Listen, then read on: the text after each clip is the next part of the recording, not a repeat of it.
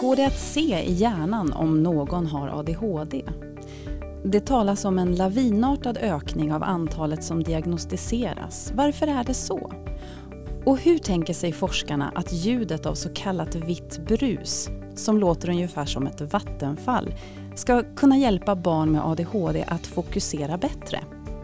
Ja, idag i Vetenskap och hälsa har vi bjudit hit Peike Gustafsson, överläkare vid barn och ungdomspsykiatrin i Region Skåne och som forskar på ADHD vid Lunds universitet.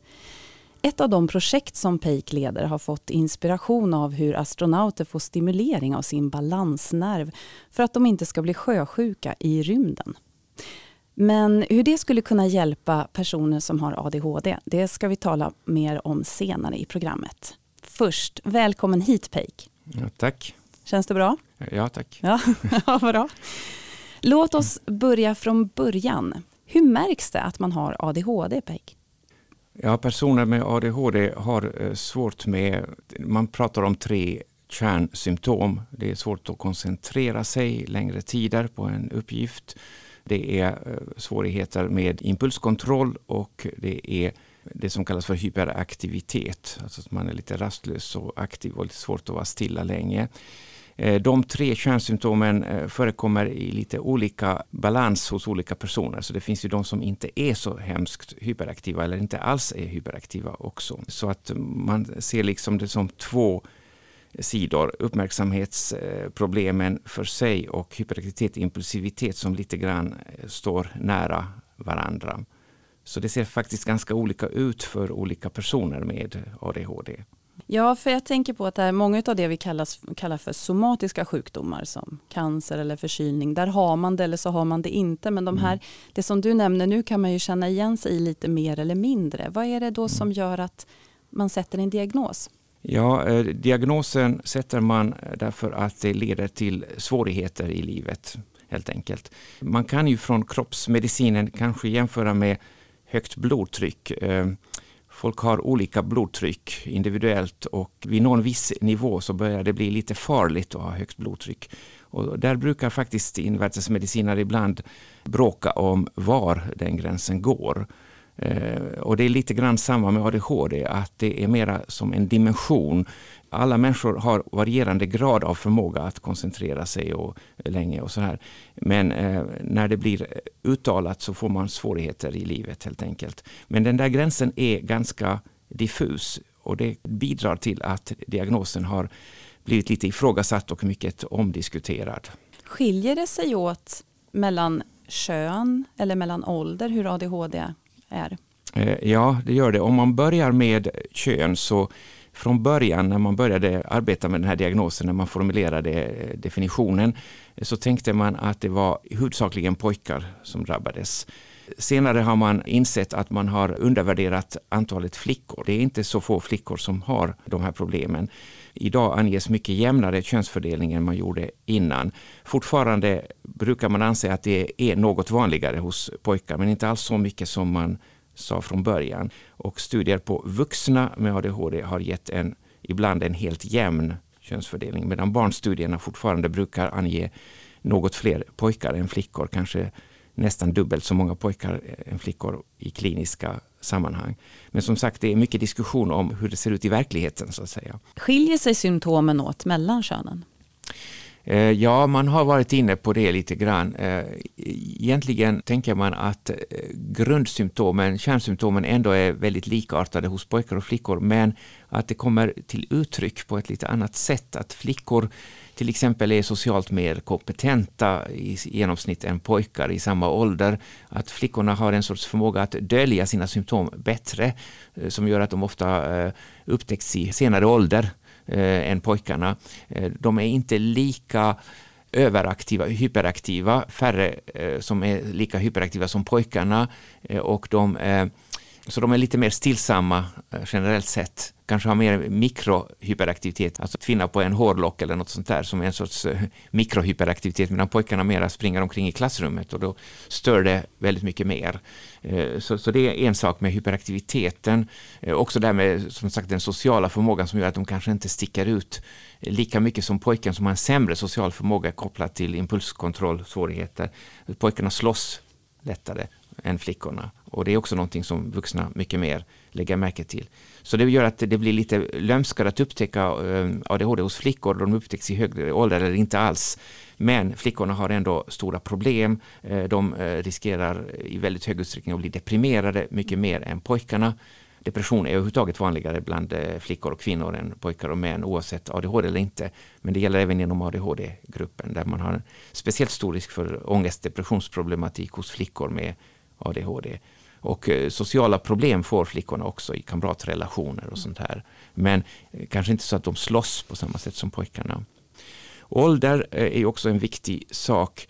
ADHD uppfattas eh, i regel som eh, symptom på en typ av omogenhet när det gäller vissa funktioner i eh, hjärnan, i nervsystemet. Då tänker man att det kan mogna ut och det verkar det faktiskt göra hos kanske en 20 procent åtminstone till vuxen ålder och delvis hos ytterligare ett antal. Så det är bara ungefär hälften räknar man med som har kvar sin diagnos fullt ut i vuxen ålder.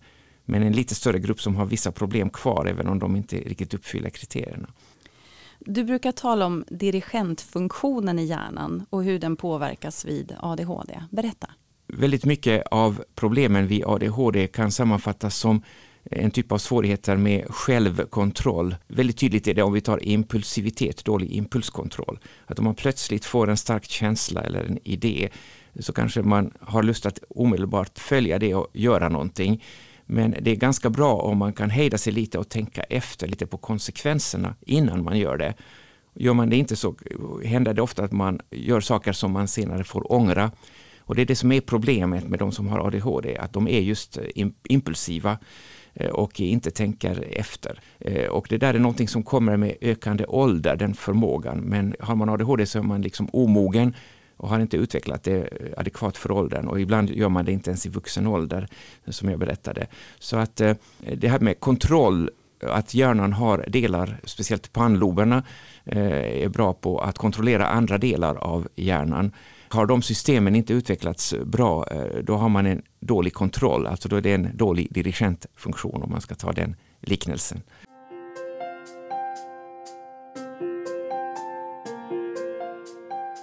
Det blir ju ofta så att man samtalar kring de funktionsutmaningar som finns, men det finns ju också eh, styrkor. Mm. Ja, det är riktigt. Man har ju funderat på om detta är, det är så pass dimensionellt det här med ADHD, att det går in i normalitet också. Hur är det då med så att säga normala personer som nästan har ADHD eller om man har en lindrig ADHD till exempel. Eh, varför är det så vanligt om man tänker evolutionärt? Varför har de här så att säga, generna som styr detta blivit så vanliga? Och då har man varit inne på att det faktiskt kan finnas positiva sidor också som förklarar varför de här egenskaperna är väldigt vanliga i befolkningen. Många har tänkt på hur det var på jägar och samlarstadiet att en framgångsrik jägare kanske kunde ha lite ADHD helt enkelt. Det kunde vara en viss poäng med att eh, vara snabb med att uppmärksamma små stimuli i omgivningen och inte filtrera bort dem. Att eh, kunna vara lite driftig och aktiv och modig. Att de här ADHD-egenskaperna kunde fungera på det sättet att vissa personer i en människostam på eh, stenåldern kunde ha en duktig jägare med ADHD så att säga som som var till nytta för hela stammen. Men att det kanske var bra att inte alla var likadana, att det fanns en viss uppdelning. Och så har man varit inne på att dagens samhälle kanske inte riktigt tar vara på de här lejonspanarna som min eh, kollega i Västervik har kallat det för. Så att eh, just de här positiva sidorna att vara eh, idérik, få ibland bra idéer, inte alltid bra men Eh, men vara lite av en idéspruta, att kunna hålla en hög aktivitetsnivå åtminstone på det som man själv tycker är intressant och roligt. Alltså att det kan vara till nytta. Eh, man har pratat om skådespelare, företagsledare, konstnärliga verksamheter, att det inte är helt fel att ha ett visst inslag av ADHD när man ska göra sådana saker. Syns ADHD i hjärnan? Eh, ja, det gör det forskningsmässigt därför att man forskar på stora grupper av individer. De som har diagnos och eh, de som inte alls har diagnos. Eh, och så jämför man grupperna med varandra. Och på gruppnivå har man hittat signifikanta skillnader i aktiveringsmönster i hjärnan. Men det blir inte så bra när man går ner på individnivån. För att man behöver gruppen för att statistiken liksom ska slå igenom. På individnivå blir det för osäkert. Så idag rekommenderar man inte att göra någon form av funktionell magnetröntgen eller så för att ställa diagnos för det, det blir alldeles för osäkert. Men man vet ju inte nu framtiden. Utvecklingen går framåt och forskningen och småningom kanske metoderna blir ännu mer förfinade så att det kan fungera på individnivån. Men vi är inte där ännu. Vad beror ADHD på? Forskningen visar ju att genetik är, slår väldigt starkt. Eh, Sådana här så kallade heritabilitetsfaktorer där man försöker mäta ärftlighetens inflytande ligger mycket högt. Man anger ju i procent på en kanske en 80 procent, eh, lite olika i olika studier. Men eh, att generna är väldigt viktiga. Men idag vet vi också att det är väldigt komplicerat, att det handlar inte om en enda gen utan det handlar om en kombination av väldigt många gener och de kan kombineras på väldigt många olika sätt. Dessutom vet vi idag att gener och miljö är inte separerade utan de interagerar. Vissa miljöfaktorer kan till exempel påverka gener så att de helt och hållet stängs av fastän de finns i kroppen så kommer de inte till uttryck. Och i en annan miljö hade samma gen kommit till uttryck. Så att eh, det blir väldigt komplicerat när man räknar in eh, alla dessa massor av gener, flera hundra och eh, också komplicerade interaktioner med miljöfaktorer som också spelar in. Så generna kan inte förklara allt? Nej, det kan de faktiskt inte göra. Vad finns det för hjälp att få? Eh, när man ställer en diagnos, till exempel då i barnaåren, så någonting som man använder väldigt mycket är ju läkemedel, medicinering.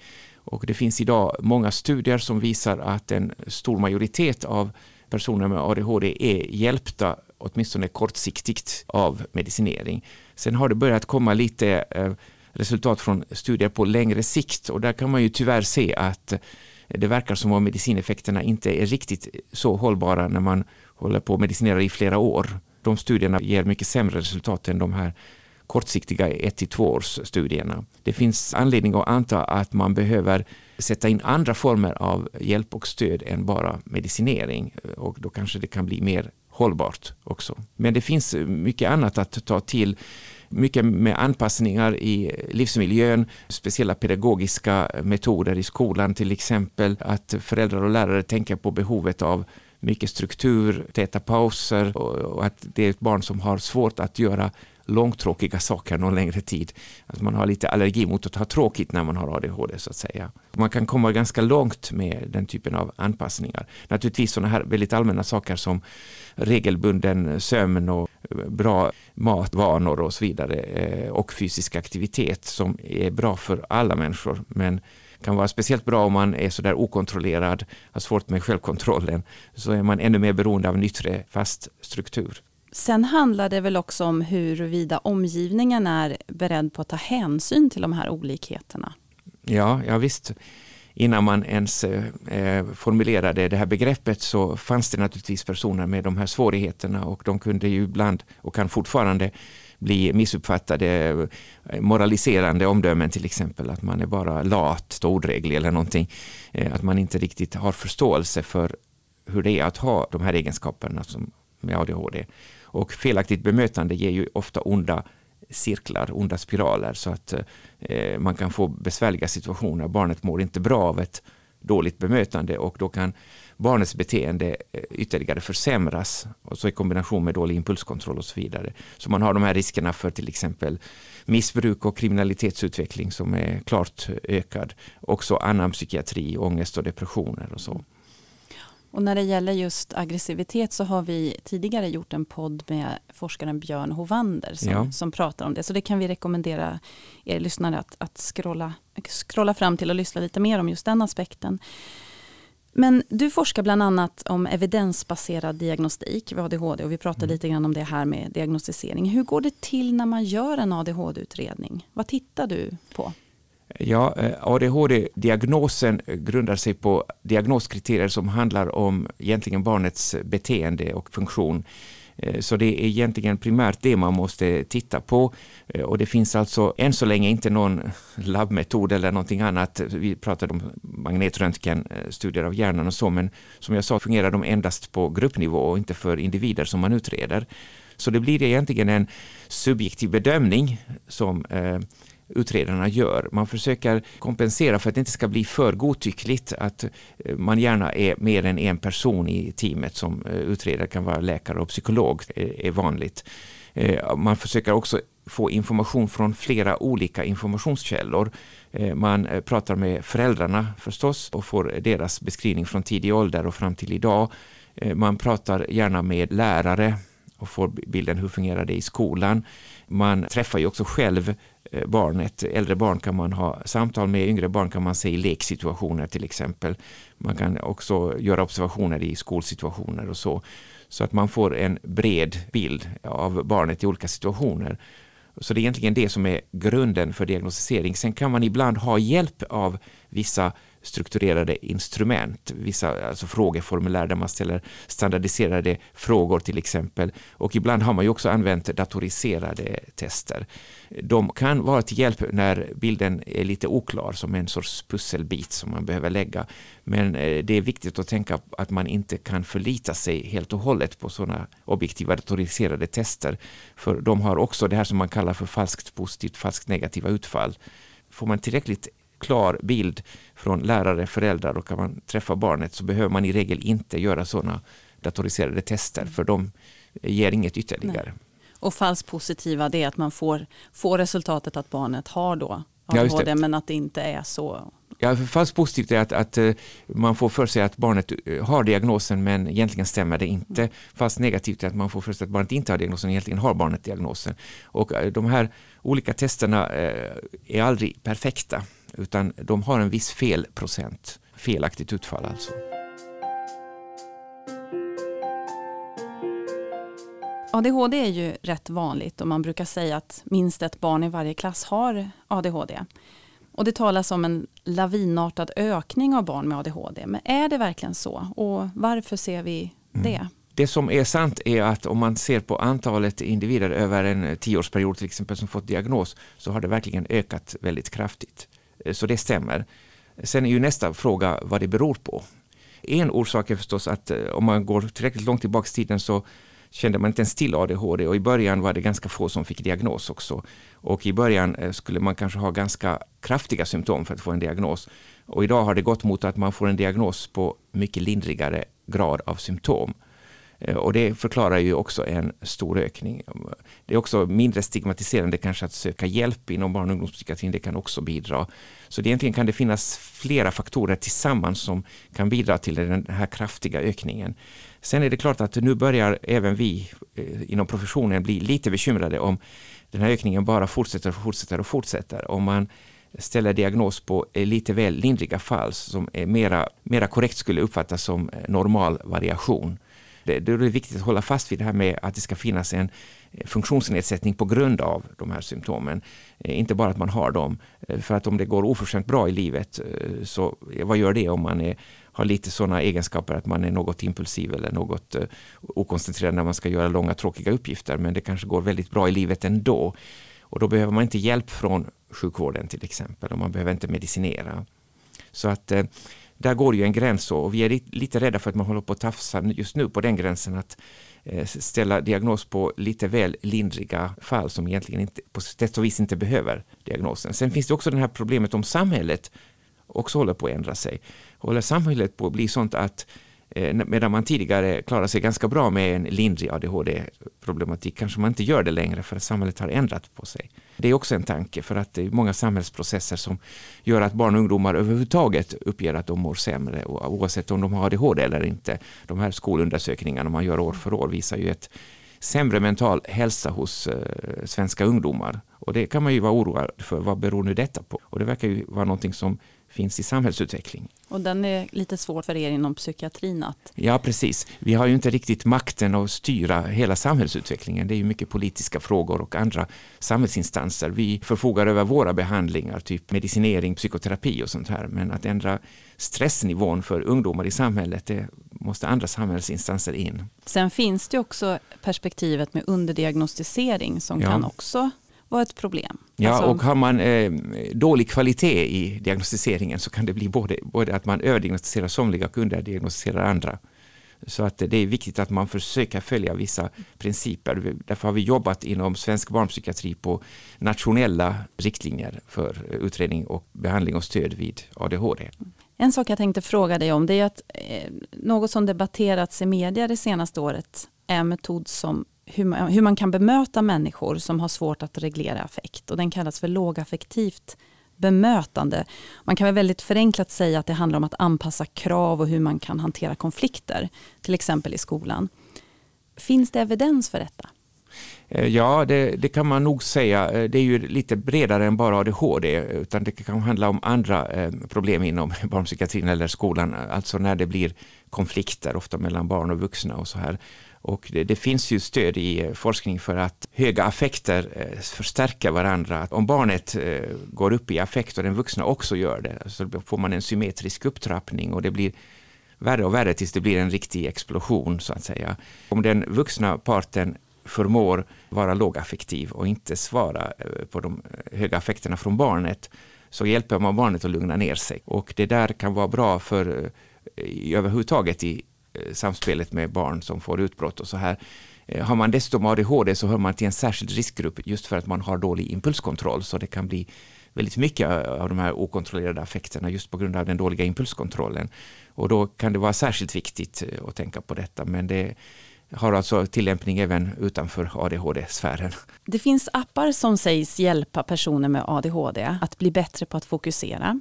Den här leksaken Fidget Spinner mm. som var väldigt populär för, för något år sedan, eller om det var ett par år sedan, eh, sades vara bra för personer som har eh, problem med rastlöshet. Vet du om man forskningsmässigt undersökt om det finns belägg för att man kan träna hjärnan på det här sättet så att man blir bättre på att fokusera? Ja, det, det finns eh, många försök men ganska lite klara, tydliga och enkla resultat än så länge eh, som man kan säga att är ordentligt evidensbaserade. Några forskare har ju varit inne på eh, mindfulness-träning som ofta ingår i sådana här KBT, DBT-program som en komponent och varit inne på både vissa resultat, som, men lite preliminära, som verkar lite positiva och också ur teoretisk synpunkt att det skulle kunna vara bra att träna den här kontrollfunktionen och regleringen eh, i sådana eh, mindfulnessövningar, att man blir bättre på att koppla på och koppla av koncentration när man tränar sig att gå in i mindfulness-tillstånd och gå ur dem igen. Liksom att det finns en sorts träning av eh, kontrollsystem i hjärnan, tänker man sig.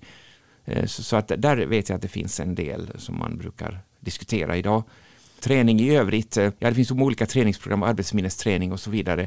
Problemen med eh, dem är också att man har haft dålig evidens än så länge för att de generaliserar i vardagslivet gör hela livet bättre. För man kan lätt visa i laboratoriet att vissa saker går bättre om man tränar dem.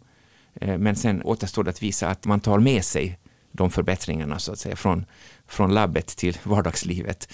Så, så det, det, är den största kritiken mot eh, olika arbetsministreringsprogram som man ju redan använder och där man lätt kan visa just laboratoriemässigt att man kan förbättra arbetsminnesfunktioner till exempel genom att träna dem. Men man verkar bli bättre framförallt på exakt det som programmet tränar och väldigt dåligt med vid sidan om. Och det är egentligen generalisering man hade önskat sig.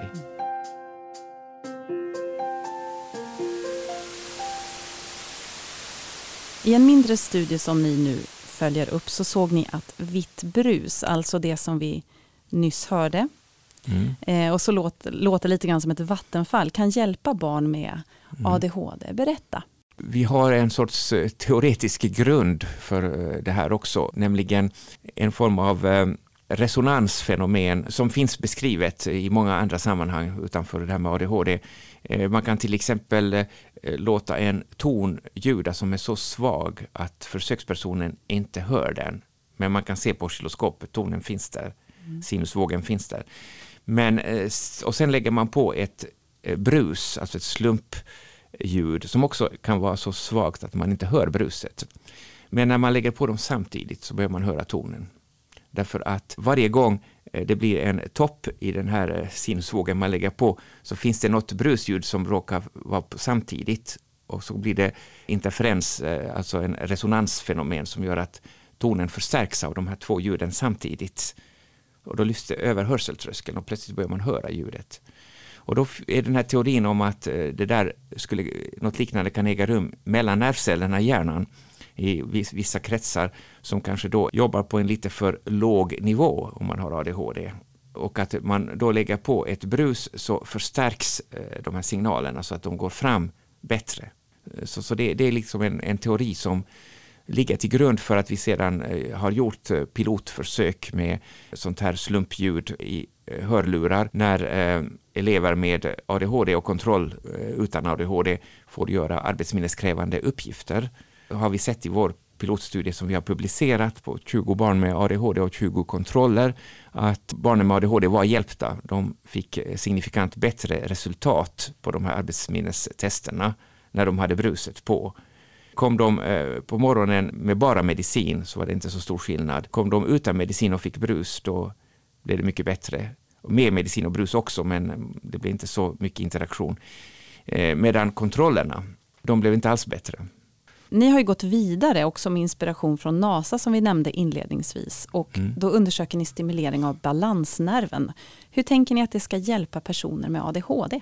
Det, det, var så att eh, de har varit intresserade av eh, så astronauter i tyngdlöst tillstånd och sådär, att de drabbas i sitt eh, balanssystem, för de kan ju få problem av det helt enkelt. Man kan ju bli illamående om balansorganen ger konstiga signaler och att man har kunnat liksom stabilisera balanssystemet genom att lägga på en svag elektrisk stimulering just här bakom öronen. Så, så det har de utarbetat i, i NASA, så egentligen den här modellen vi använder nu är NASA-modellen. Eh, men nu ser vi om det också kan generaliseras till påverka sånt som arbetsminnesfunktioner och sånt. Så det har de ju inte tittat på på NASA utan de har mer tittat på själva balansen. Det är ju det här eh, som jag tidigare har varit inne på, vår teori som finns bakom som handlar om, eh, fint ord, stokastisk resonans. Eh, alltså att slumpvågor ingår resonans med signaler som ska fram. Och då kan man tänka sig att det, det här fenomenet kan förekomma på alla typer av sinnen, även balanssinnet. Det som skulle kunna vara, eh, som vi hoppas på men inte har ännu visat tydligt, eh, det är att om man skulle kunna stimulera med en signal som är så svag att man inte upplever den, men att den ändå ger en sån här fenomen bland nervcellerna i de här relevanta nervcellskretsarna. Motsvarande det vi får med det här bruset som däremot hörs väldigt tydligt.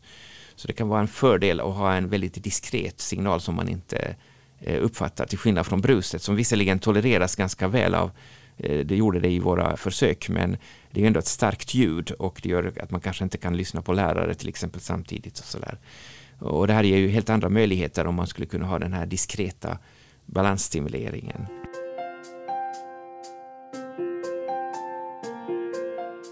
Ja, slutligen nu när du har chansen. Finns det någon vanligt förekommande myt som du stöter på när det gäller ADHD som du skulle vilja passa på att avliva?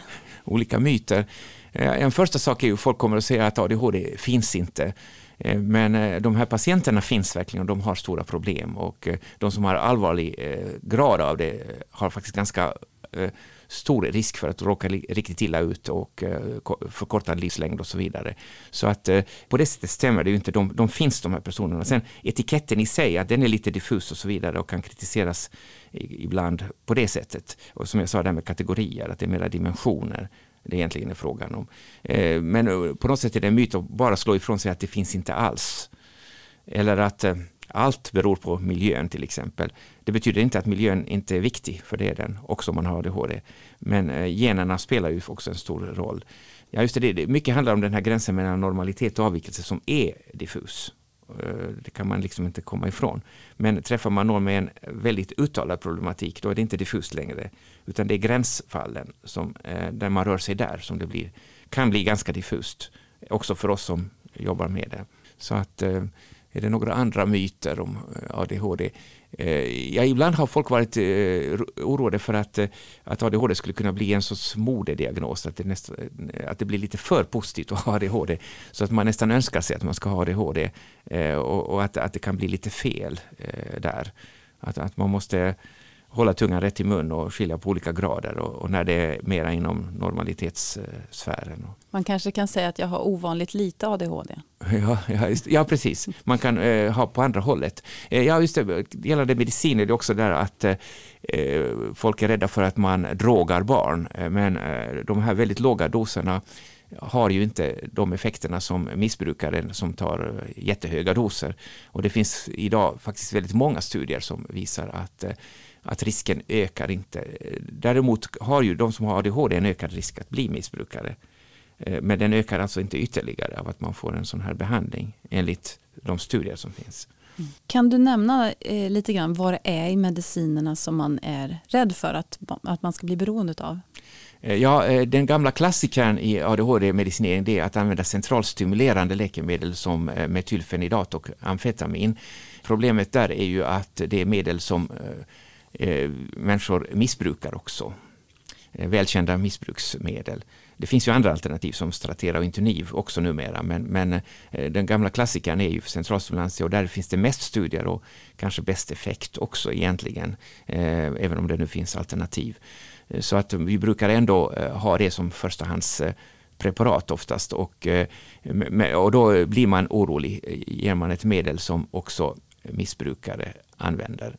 Men vi använder ju då låga doser som är hundra gånger lägre än missbruksdoser. Och där finns forskning på detta. Som, eh, där det finns ett flertal studier som eh, visar att risken för missbruk inte ökar på grund av att man använder de här medlen. Däremot eh, får man komma ihåg att ADHD-gruppen i sig löper en större risk att börja missbruka. Och då är det andra typer av missbruk också? Ja, då är det faktiskt andra typer av missbruk än bara eh, centralstimulantia förstås. Det gäller alla sorter och även vanlig rökning. Ja, det gäller att kunna hålla många tankar i huvudet samtidigt. Ja, det är lite komplicerat. Pratar om de här begreppen. Mm. Det är ganska komplicerat, ja. Mm. Ja, tack så mycket för att du kom hit och lärde oss mer om ADHD, Pik Gustafsson. Ja, tack. Ja, nu är det slut för idag, men du kan alltid få mer forskningsnyheter från oss genom att surfa in på vetenskaphalsa.se. Och under fliken podd hittar du mer material i anslutning till just det här programmet. Hör gärna av dig till oss på info.vetenskaphalsa.se om du vill tipsa om någon särskild hälsofråga du tycker vi ska ta upp här i programmet. Tekniker idag har varit Patrik Jävet, Skånes universitetssjukhus. Tack för att du lyssnat.